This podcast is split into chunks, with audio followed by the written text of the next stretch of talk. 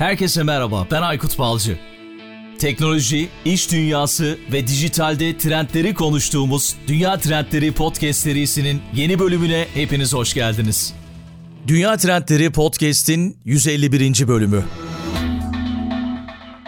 Uzun bir süredir bölüm yayınlamıyorum sizin de fark ettiğiniz gibi. Çünkü 6 Şubat'ta müthiş bir felaketle karşılaştık. Hepimiz çok çok üzgünüz ama bir yandan da hayat devam etmek zorunda ve bu bölümde de afetlerde lojistik ve kriz yönetimi nasıl olmalı?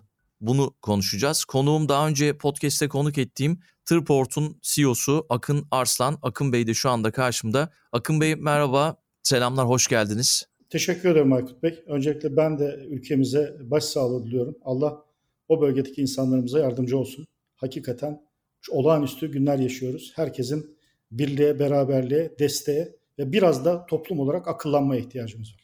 Kesinlikle öyle. 6 Şubat 2023 tarihinde Kahramanmaraş merkezli 10 ili kapsayan büyük bir depremle karşılaştık. Belki bu podcast'i sonradan dinleyecek olanlar olabilir.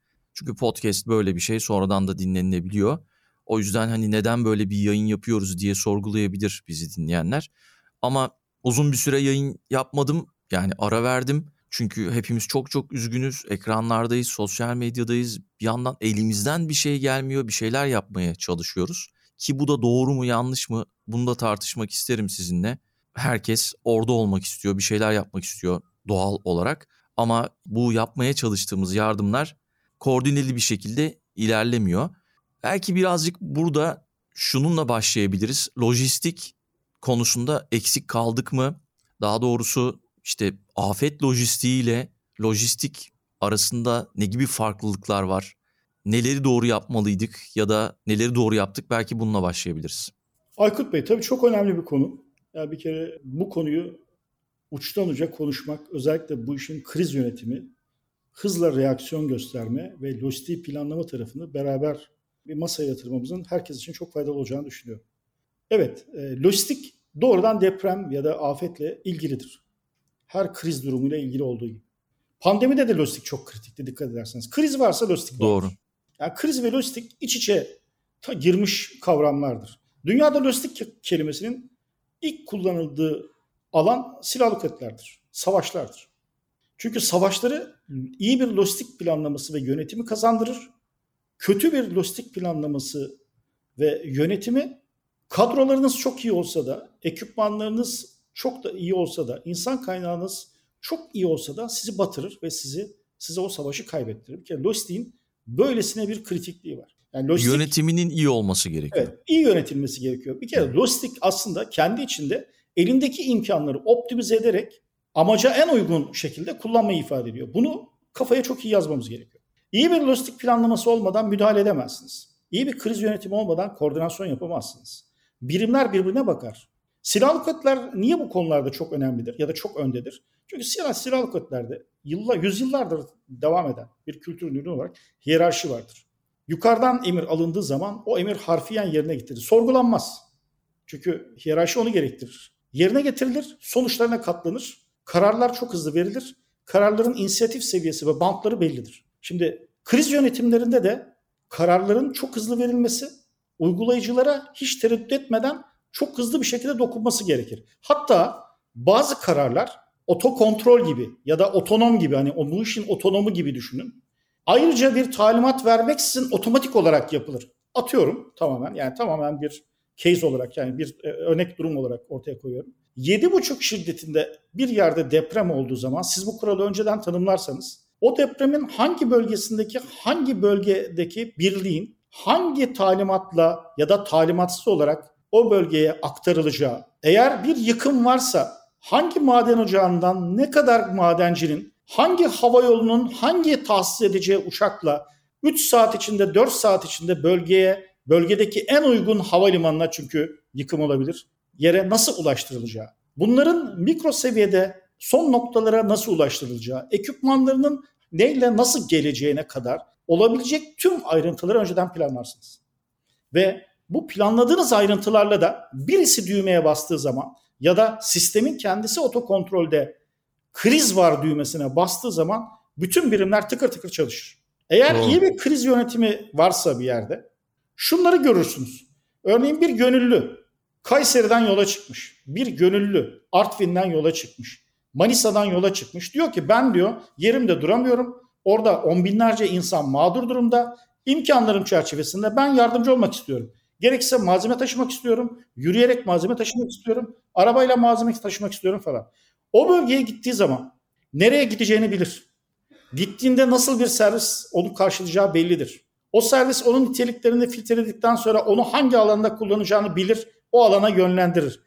Gece yatacağı yere kadar organize eder. Yiyeceği yemeğe kadar organize eder. Eğer ona bir okul, ayakta kalan bir okul tahsis edilmişse o okuldaki odasına kadar bellidir her şey. Yani bu tarafta herhalde çok büyük eksiklikler oldu anladığım kadarıyla. Çünkü ya, tabii medyadan baktığımızda bu konuda çok fazla yakınma vardı. E, tabii ki yani çok fazla yakınma var. Çünkü herkes artık biliyorsunuz e, özellikle televizyonlarda deprem depremin kendisi çok ön plana çıkartıldı. Deprem ve fay hatları, depremler, fay hatları. Neredeyse tüm vatandaşlarımız deprem uzmanı oldular. Artık fay hatlarını biliyorlar. Fay levhalarının nasıl hareket ettiğini biliyorlar. Faylarla evet. ilgili hareketler konusunda uzmanlık seviyesi çok yükseldi. Ama kritik bir konu var. Bir yerde bir problem olduğu zaman bu problemi nasıl müdahale edilecek? Bu işin kriz yönetimi nasıl olacak? Malzeme aktarımı nasıl olacak? Trafik kilitlendi. Zaten krizin kökünde zaten şey var, çözümsüzlükler var. Yani kriz yönetimi ne demek? Çözüm üretmek demek. Bahane üretmek demek değil. Bahane üretemezsiniz. Örneğin şu bir bahanedir. Bu deprem e, çok büyük bir alanda oldu. 500 kilometre e, uzunluğunda, 100 kilometre derinliğinde bir alanda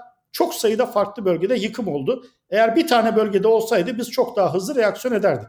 Zaten mesele çok bölgede olduğu zaman nasıl buna müdahale edeceğin. Çünkü her senaryo uygun A, B, C, D, E, F alfabetin harfleri yetmezse yanlarına rakam olarak koyarak A1, A2, A3, A4, B1, B2, B3, B4 yani bunu son, sonsuz şekilde senaryolar geliştirmek ve alternatifleri barış durumunda yani ortada hiçbir şey yokken düşünmek lazım. Aykut Bey Türkiye'deki sorun şu depremle ilgili. Ben de kadar özellikle 89 Erzincan depremi itibariyle yaşım itibariyle bunları çok yakından bütün o süreçleri yakından gören, yaşayan ve çok fazla geçmişte kriz merkezi kurmuş ve bu tarz yapıların içinde bulunmuş birisi de olarak şunu açıkça söyleyebilirim. Biz bir gün deprem olma ihtimali üzerine yaşıyoruz. Bana şimdi insanlar soruyor biraz bu işte uzmanlığım olduğu, için. Diyor ki İstanbul'da önümüzdeki 15 sene içinde deprem olur mu diyor mesela. Evet. Ben de diyorum ki İstanbul'da 15 sene içinde ya da 30 sene içinde ya da 3 sene içinde deprem olma projeksiyonlarını bırakın. Bunu kimse bilemez. Bu akşam olursa ne yapacaksın onu düşünüyorum. Bu akşam olursa vatandaş olarak da onu düşüneceksin. Belediye olarak da onu düşüneceksin. Devletin ilgili bakanlığı olarak da onu düşüneceksin. Ve şirket olarak da onu düşüneceksin. Bu akşam. Çünkü bizim gerçeğimiz şu. Anadolu dediğiniz coğrafya Asya ile Avrupa arasında bu çok seviyoruz ya o ifadeyi. Köprü gerçekten. Ben de çok kullanıyorum. Bir lojistik köprü, hap. Ya burası acayip bir yer. A- A- Anadolu acayip bir coğrafya. İpek yolunun göbeğinde batı ile doğuyu bağlı. Anadolu'nun varoluş sebebi zaten depremler. Doğal hareketler. Anadolu zaten fay hatlarının uzantısı olarak ortaya çıkmış. Bizim dezavantajımız şu. Biz Asya, Afrika ve Avrupa'yı birbirine bağlayan aksta birçok fay hattının hub'ında yer alıyoruz. Yani burada burada bir araya burada kenetleniyorlar. Dolayısıyla en basit mühendislik ifadeyle enerji aktarımları fayların birbirine çok kolay. O yüzden biz ciddi bir deprem ülkesiyiz. Biz Japonya'dan daha ciddi bir deprem ülkesiyiz. Ya bu gerçeği kafamıza yazmamız, bütün şehir planlarını ona göre yapmamız gerekiyor. Ya biz hızla son 30 senedir müthiş bir şekilde şehirlere kayıyoruz. İstanbul'da 16 milyon insan falan yok. İstanbul'da en az 20 milyon insan var. İstanbul'da evet. şu anda nüfusa kayıtlı olarak yazılanların birçoğu İstanbul Anadolu'dan oluştuğu için Anadolu'dur İstanbul. Yani bir buçuk milyon Sivaslı vardır. Bilmem kaç milyon bilmem ne şehrinden vardır. Yani İstanbul şeydir. Bir mozaiktir İstanbul. Ama Şimdi işte İstanbul, onun nedenleri daha farklı işte ekonomik nedenler. Siz yani Almanya'da Almanya ile karşılaştırıyorum. Evet mesela şehirler dağınık dağınık ama insanların kendi yaşamlarını sürdürebilecekleri endüstriler bölünmüş parça parça Homogen, farklı farklı dağıtmış. şehirlerde. Dolayısıyla o insanlar yani 15 kilometre en fazla maksimum 20 kilometre gidiyorlar iş yerleri için. İş imkanları belki ekonomik olabilir. Bunu gösterebiliriz. Ya burada burada çok büyük bir şehir söz konusu. İstanbul özelinde söylüyorum. Bizim müthiş bir lojistik planlama yapmamız gerekiyor. Kriz durumunda hangi kurumlar ellerinde hangi imkanlarla nerede olacaklar? Bunları kim yönetecek? Kimler hangi seviyede yetkili olacak? Ee, özellikle hazır müdahale ekiplerimizin olması gerekiyor. Devletin bir kere varlığı çok önemli. Burada devletçiliği yeniden devreye girmesi gerekiyor. Devlet yol yapmak için affedersiniz müteahhitin ağzına bakmamalı. Devlet krizi bir durumda, ani bir durumda altyapılarını yenilemek için efendim 22'ye C, 22'ye B ihale kanunu esaslarıyla doğrudan teminle şey peşinde koşmamalı. E, müteahhit peşinde koşmamalı. Devletin varlığı Türkiye Cumhuriyeti için çok kritiktir.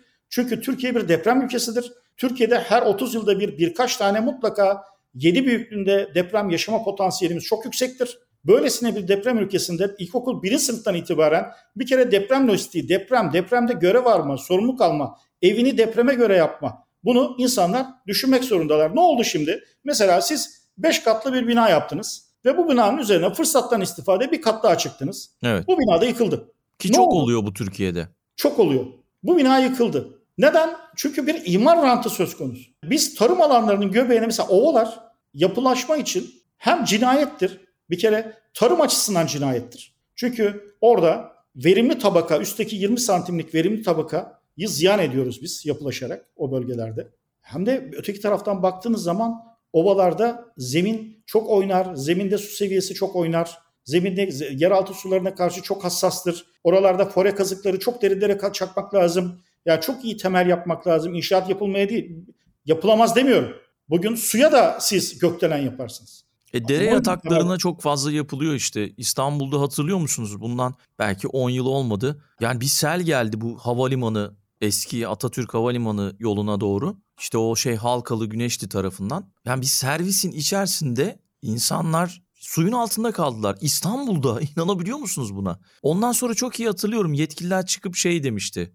Yani bu yolun sağında solundaki evleri yıkacağız demediler ama işte düzenleyeceğiz. Hani bir daha buraya yaptırmayacağız. Yıllar içerisinde uzun yıllar sonra gittiğimde gördüm ki daha fazla artmış orada binalar. Yani bunu trajikomik hafif gülümseyerek anlatıyorum ama yani maalesef hani oradaki ders çıkartmıyoruz oradaki yaşanan kötü olaylardan. Üstad zaten e, ana sıkıntılardan bir tanesi o. Bakın şimdi fırsat varken özellikle şunu ifade etmek isterim. Biraz inşaat mühendisliği şapkamla da ifade etmek istiyorum müsaadenizle. Bilinçlendirme amacıyla. Şu anda üniversitelerimizdeki, mühendislik fakültelerindeki özellikle inşaat, makine, elektrik, elektronik, jeoloji, jeodezi, çevre mühendisliği, aklınıza gelen temel mühendisliklerin hepsi için söylüyorum. Ama başta inşaat, mimarlık ve elektrik, elektronik mühendisliği için söylüyorum. Lütfen öğrencilerinizi alınız, o bölgeye mutlaka gidiniz. Bir hafta o bölgede kamp yapınız. Gerekirse çadırda kalınız.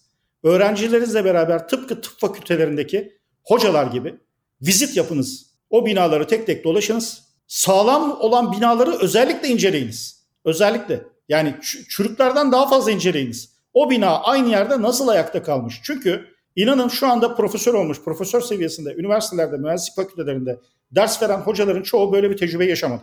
Evet. Yani Buradan neyi yapmalı, neyi yapmamalı yerinde görme şansımız var Bir- şu an. Bir donatıya bakın. Donatın netriyesine bakın. Donatının nervürlü olup olmamasına bakın. O donatının o donatın etrafındaki betonun analizlerini yapın. Oradan çok sayıda numune alın. Bunları okula götürün. Okulda daha sonra bunları bunların üzerinde tartışın. Numuneler üzerinde tartışın. Çünkü mühendislik açısından müthiş bir fırsat. Eğer bu fırsatı üniversitelerimiz gerçek bilimle değerlendirirse en azından şu an itibariyle çocuklar daha okulda öğrenciyken gerçek tecrübeyle tanışmış olacaklar. Lojistik bölümü mezunları, yani lojistik bölümünde okuyanlar büyük fırsat. Mesela öğrencilerinize ulaşım mühendisliği dersleri vardır e, inşaat mühendisliğinde. Yollara bakın. O Antakya Reyhan yoluna bakın. Orada yapılan hatalara yerinde bakın. Altındaki binder aşındırma tabakalarını inceleyin. O tabakaların üstündeki asfalt yapılara bakın. Fay hatlarını çıkartın. Fay hatlarıyla layer'lar yaratın. Yani şeyler katmanlar yaratın. O katmanlara o yolların doğru olup olmadığını tespit edin, koyun. Ya inanın Aykut Bey bir taraftan müthiş fırsatlar var mühendislik için.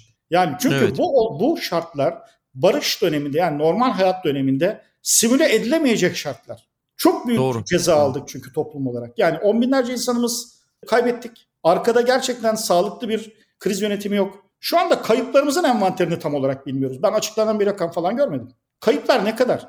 Kayıp masaları iyi Doğru. çalışıyor mu? Gerçekten şu anda Türkiye'de Yani ne kadar insan kayıp? Ben enkaz arama ekiplerinin hiçbirisinde ben bunu dünya örneklerini çok gördüm.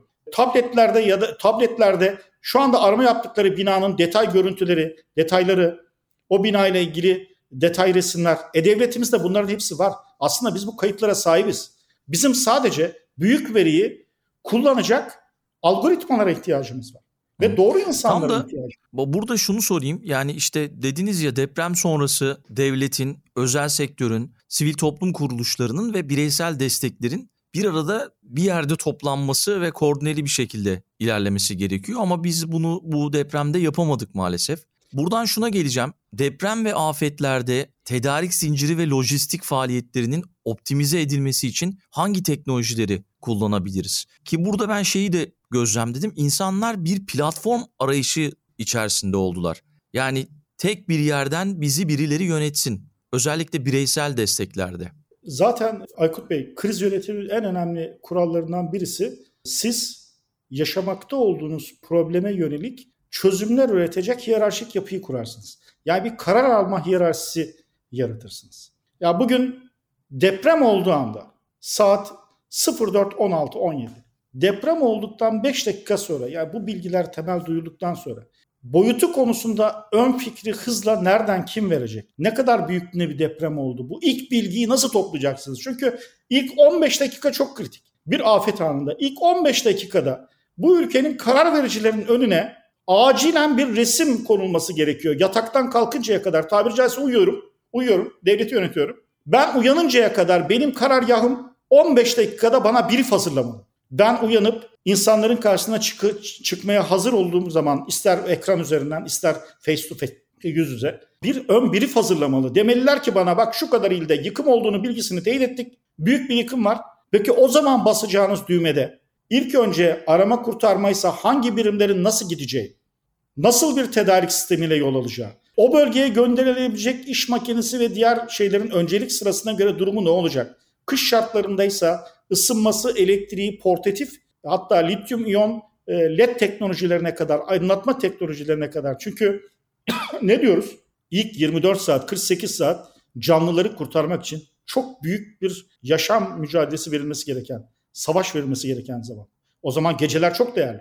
Geceleri nasıl yöneteceksiniz? İyi bir aydınlıkla, teknolojiyle, insanları oraya doğru organize ederek. Mesela binlerce arama kurtarma ekibini aynı yere Adana'da boğarsanız binlerce insanı oradan çıkartamazsınız. O zaman herkes Adana'ya göndermeyeceksiniz. Malatya'ya ayrı göndereceksiniz. Kahramanmaraş'a ayrı göndereceksiniz. İskenderun'a ayrı göndereceksiniz. Antakya tarafından mecburen orada ayrı bir sorun var. Onu lojistik olarak konuşuruz. Hiçbir şehrin tek girişi ve çıkışı olmaz. Evet. İyi bir afet yönetiminin en önemli konulardan birisi etkili bir ulaşım altyapısı kurulmasıdır. Bir şehrin etrafında ulaşım çemberleri olmak zorundadır. İç çember, dış çember, dış çember büyük çevre yollarına bağlanır. İç çember e, şehrin her tarafını, dört bir tarafını çevirmesini sağlar ulaşım açısından.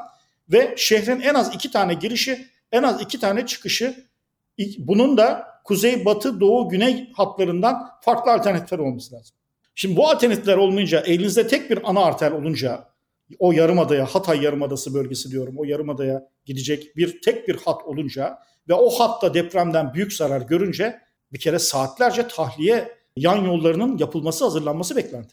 Depreme müdahale edecek insanlar geldi, ekipmanları gelmedi iki gün. Evet. Öyle bir üst akıl olmalı ki bunları son derece akıllı, senkronize, optimize, teknolojiden de üst düzey faydalanarak ifade etmeli. Farz edin ben bir vatandaşım. Neredeyim? Isparta'dayım. Neredeyim? İzmir'deyim. Neredeyim? Uşak'tayım. Benim bir ters kepçeli ekskavatörüm var. Ben bunu bir yere kaydedebilmeliyim. Hani platform dediğiniz konunun ne kadar önemli olduğunu söylemek için söylüyorum. Benim depolarım var. Veya benim evim var. Benim fabrikam var. Fabrikanın bir bölümünü deprem süresince bu bölümünü ben şey yapabilmeliyim. Depremde depo olarak insanlara tahsis edebilmeliyim. Peki bende böyle bir şeyin olduğunu kim biliyor? Evet yani böyle saniye saniye dakika dakika ne ihtiyaç var? Nerede ne sorun var? Hani bunları görebilse insanlar ya da bakın deprem bölgesinden en yüksek e, ses gelen konulardan birisi tuvalet. Dikkat ederseniz ilk 24 saatte gelmedi bu ses. İkinci 24, üçüncü 24 sonra 72 saati geçtikten sonra ses daha da yükseldi. Neden? Çünkü bölgede su yok. Bölgede elektrik yok. Mevcut olan binaların çoğu yıkılmış. Binalar emniyetli değil, girilemiyor. Girilebilen binalarda su yok. Su olmayan bir tuvaleti 5 kişi kullandığı zaman 6. kişi kullanamaz. Doğru. Şimdi o zaman bu işin bilimini yapan ünlü mimarlar, bu işin tasarım anlamında söylüyorum, zamanında bunları planlamışlar. Bunları yazmışlar. Bunlar bu arada tecrübelerle var aslında bir yerlerde. Mesela diyor ki böyle ünlü bir Avusturyalı mimar kitabında olağanüstü durumlarda her 100 kişiye 2 kişi bölgenin tuvalet kurabileceği sistemler kuracaksın diyor. 100 kişiye iki tane planlayacaksın diyor. Yani bir bölgede bir bölgede hesap yaparken 100 kişiye iki tane portatif tuvaleti hemen planlayacaksın diyor. Çünkü o 24 saat sonra ihtiyaç olacak ve ihtiyaç her geçen gün logaritmik olarak artacak diyor. Anladım. Çünkü oraya yardım için insanlar gelecek diyor. Daha büyük insanlar gelecek diyor. Daha fazla yığın olacak diyor. Bunların hepsi bilim. Çok iyi bir planlama yapmak gerekiyor uçtan uca. Doğru bilim insanlarının bir araya gelmesi gerekiyor. E, sonuç tabii laf üretmekte de olmuyor. E, Şimdi ahkam kesmesi en kolay olan taraf yani. Söylersiniz ama somut olarak bu tek bu yapıları kurmuş, bu teknolojilere sahip, bu teknolojiyi üretebilecek insanlardan destek almalılar. E, profesyonel olarak e, yönlendirmelere dikkat etmek lazım. Hiçbir kurumu diğerinden ön plana çıkartmamak lazım. Burada biraz da onları kötü bir örneklerle yaşıyoruz. Yani bir kurum önde, diğer kurum geriler. Yok arkadaş hepimiz hepimiz bu ülkeye vatandaşı da, kurumu da, yardım derneği de her neyse yani hepimiz çırpınıyoruz ama insanlar ne göndermek istediğini bilmiyorlar. Şimdi adam kendince evindeki eşyaları, kullanmadığı malzemeleri poşete koymuş, yardım diye göndermiş ve çöp poşetine koymuş. O bölgede onlar çöp muamelesi görüyor. Anlatabiliyor muyum? Evet. Ya da gelişi güzel malzemeler bir yerlere atılmış. Ya mesela lojistik tarafta biz çok zorlandık. Biz Tırport olarak çok önemli bir sorumluluk aldık. Her gün onlarca kamyon gönderdik bölgeye. Herkes bizi aradı. Ya bakanlıklarından şeyine kadar, yardım kuruluşlarına kadar. Bütün gücümüzle destek vermeye çalıştık. Çünkü biz bir platformuz. Biz iki tarafı da bir araya getirip akıllı bir şekilde eşleştirebiliyoruz. Bu desteği sağlamaya çalıştık ama bunun ülke çapında çok daha büyük oranlarda olması gerekiyor. Bu işin iş makinesi tarafı var, bu işin ekipman tarafı var, bu işin malzeme tarafı var, insan tarafı var ve tabii ki para tarafı var. Peki bu acil müdahale malzemelerinin işte depolanması, dağıtımı, sonrası kullanımı bunların organize edilmesi konusunda çok büyük eksiklikler olduğunu gördük. En azından biz ekranlardan ya da sosyal medyadan. Bu nasıl daha etkin hale gelebilirdi? Aykut Bey buradaki en önemli kurallardan bir tanesi şu. Aslında Türkiye özellikle 99 depreminden sonra bazı yapılanmalar yaptı.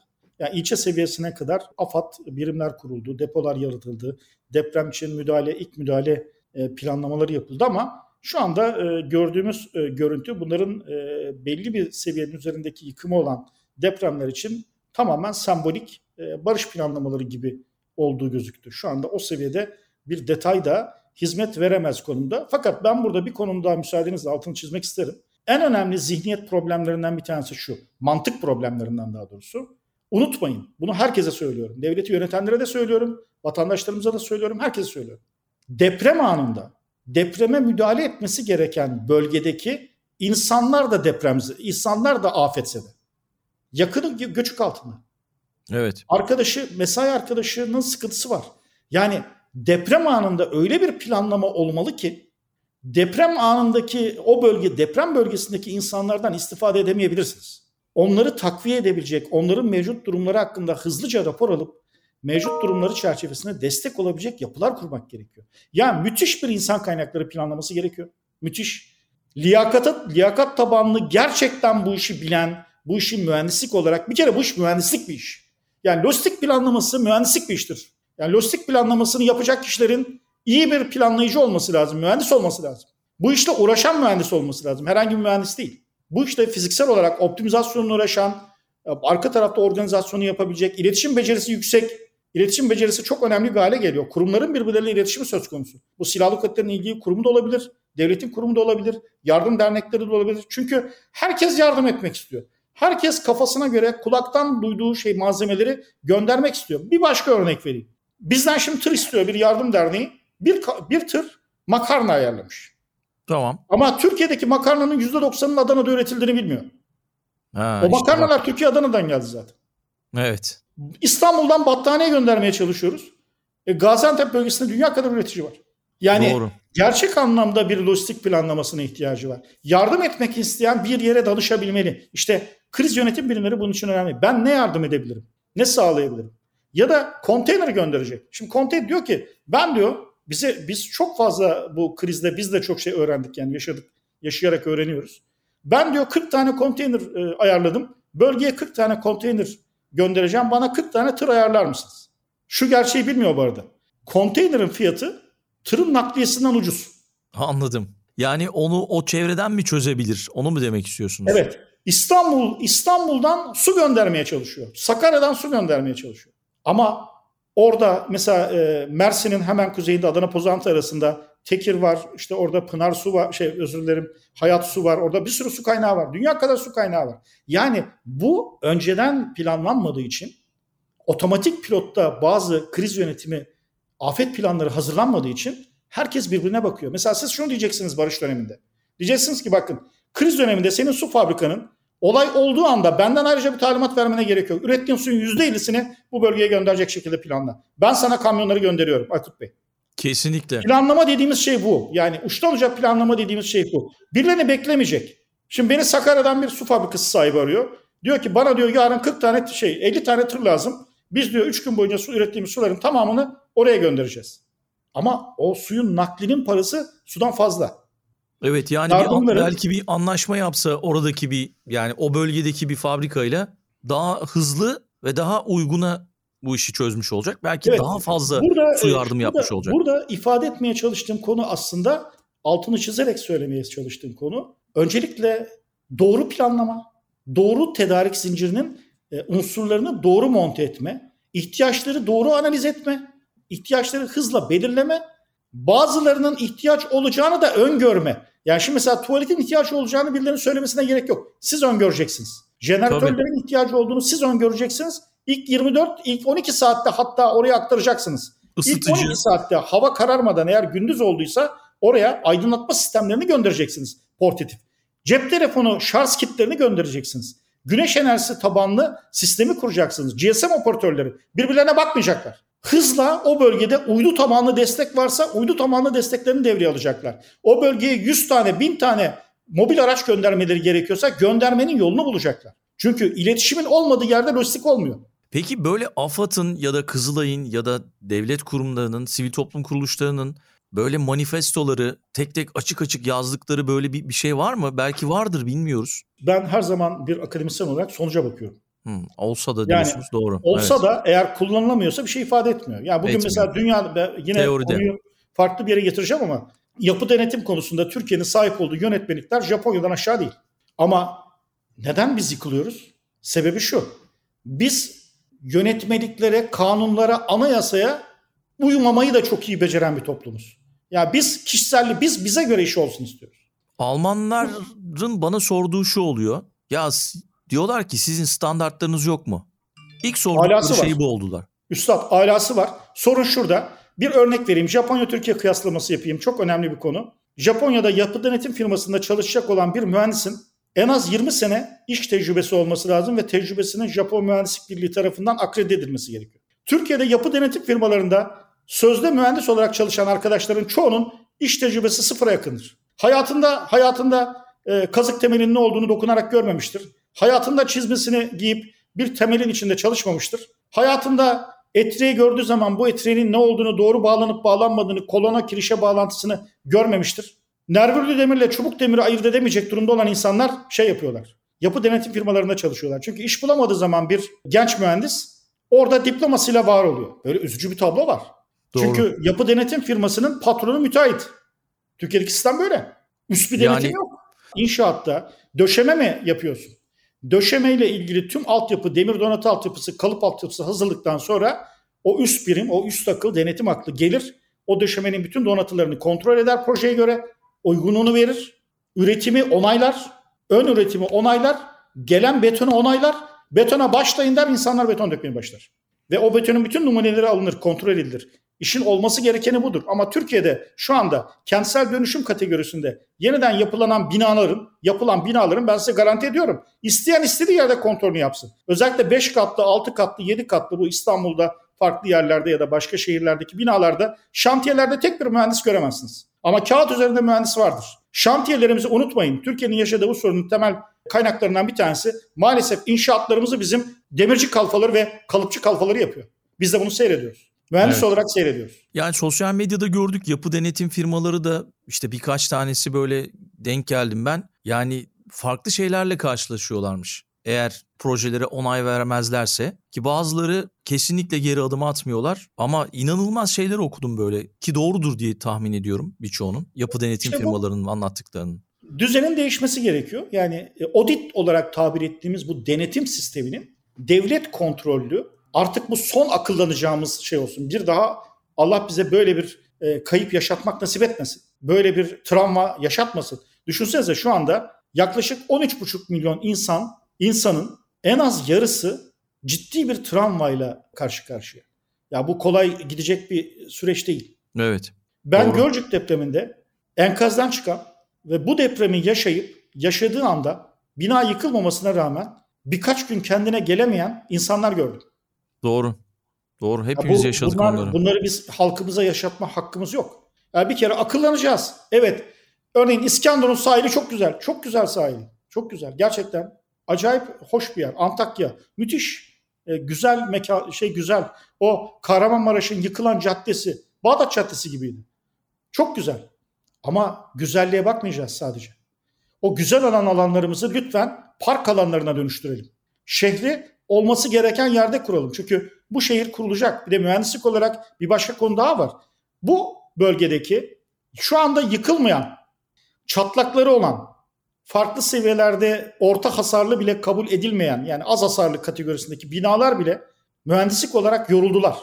Çünkü dünyada benzer örneği çok az. Yani arka arkaya bu arada depremin şiddeti 7.7 değil 7.8 bütün uluslararası otoriteler deprem şiddetini 7.8 olarak ifade ediyorlar ilk depremin şiddetini. 7.8 ve 7.6 şiddetinde iki tane çok büyük deprem oldu. Ve bu depremler sadece 9 saat içinde e, salladı. Doğru. Çok büyük Bu yani binalar gerçekten. bu binalar yoruldu. Bu binaların kolon yapıları yoruldu. Bu binanın kirişleri yoruldu, esnedi. Bu binanın temeli yoruldu. Bundan sonraki 7 şiddeti üzerindeki her deprem başlı başına bir risktir bu bölge için. Komple o şehrin tekrar planlanması her şeyiyle İşte hale planlanırken de yine de ranta teslim olmayalım. Ya ben ana caddenin üzerinde bilmem ne apartmanım vardı. Ben aynı apartmanı oraya dikerim. İşte bu başlı başına başlı başına halkın da e, şapkasını önüne koyup aynada kendisini sorgulaması gereken bir konudur. Kesinlikle. Akın Bey çok teşekkür ederim. Yani bir farkındalık yaratmak istedik. Çünkü bir şeyler yapmak istiyoruz hepimiz. Umarım bizi dinleyenlere bir fayda yaratmışızdır. Bakalım bundan sonraki süreçte yine takip edeceğiz. İnşallah unutmayız. Çok çabuk unutan bir milletiz çünkü. Her şey kısa sürede yaralar sarılır. Tabii canlarımız gitti ama onlar için bir şey yapamıyoruz. Bundan sonrası için her şey güzel olsun diyorum. Belki son sözlerinizi alırız. Sonra da kapatırız. Aykut Bey burada e, ben özellikle hani siz e, program e, bu Dünya Trendleri podcast'inde bitirirken kitap önerisi falan soruyorsunuz. Ben özellikle burada şunu ifade etmek istiyorum. Lütfen şu anda sosyal medyada, sosyal medyayı bırakın. Normal haberlerde dünya kadar şey görüyorsunuz. Önünüzden korkunç bir veri akıyor. E, Lütfen ders alın. Yani lütfen başka bir şeye gerek yok. Kitaba da gerek yok. Bu, bunu yaşadık. Hep beraber yaşadık. Bunu içinde yaşayanlar var, kenarında yaşayan var, sevdikleri üzerinden yaşayanlar var dayanamayıp bölgeye giden bölgeye de koşturan insanlar var. Bunu yaşadık. Lütfen bu yaşadığımız şeyin gerçeğini beynimize kazıyalım. Çocuklarımızın, torunlarımızın geleceği olacak bir ülkeyi inşa etmek için devletimize de her türlü desteği verelim. Bizler vatandaş olarak her türlü desteği verelim. Yerden yere vurmakla olmuyor. Sorumluluk sahibi olmak gerekiyor. Hepimiz bir yerinden tutalım. Fakat bence hepsinden önemlisi vatandaş olarak bir yerinden tutalım. Biz kendimiz samimi vatandaş olalım. Vatandaşlık gereğimizi biz yapalım biz kendi seviyemizde bir görevimizi yerine getirelim. Şu kaçak kat, kaç, kurala uygun olmayan e, ev, yapı yani lütfen bu artık e, unutalım bu konuları. Yani biz biz kuralına uygun bina yapmak zorundayız. Türkiye ciddi bir deprem kuşağında. Deprem bir gün olabilir ihtimali üzerine değil. Bu gece olursa ne yapacağız? Ne yapabiliriz'i çok iyi planlayalım. Türkiye'nin müthiş bir kriz yönetim planlamasına gerek var. Bu konuda uzman olan herkesin masada samimi olarak destek vermesi gerekiyor. Her türlü konuda bizler de her türlü desteği vermeye hazırız. Yeter ki iyi bir sistem kurulsun. Bu ülke yarın bir problem yaşadığı zaman bir dahaki sefere örnek olsun inşallah. Kesinlikle. Çok sağ olun Akın Bey. Tekrar buluşmak üzere. Teşekkür Hoşçakalın. ederim. Sağ olun. Kapatmadan önce Patreon destekçilerimize de teşekkür edelim. Recep Topçu, Serdar Sungur, Onur Atakan, Nilay Atalay, Kübra Karaman, Necdet Dikmen, Birol İnci ve Ahmet Uçar'a sonsuz teşekkürler. Eğer siz de Patreon üzerinden destek olmak isterseniz podcast'in açıklama kısmında Patreon linkini bulabilirsiniz. Dünya Trendleri Podcast serisinin bu bölümünün sonuna geldik. www.dünyatrendleri.com Twitter'da @dünyatrendleri, Instagram'da dünya.trendleri adreslerinden Dünya Trendleri Podcast'i takip edebilirsiniz. Unutmayın önerileriniz ve merak ettikleriniz içinse info gmail.com adresinden mail atabilirsiniz. Bu bölümü dinlediğiniz için çok teşekkürler. Yeni bölümde tekrar buluşmak üzere.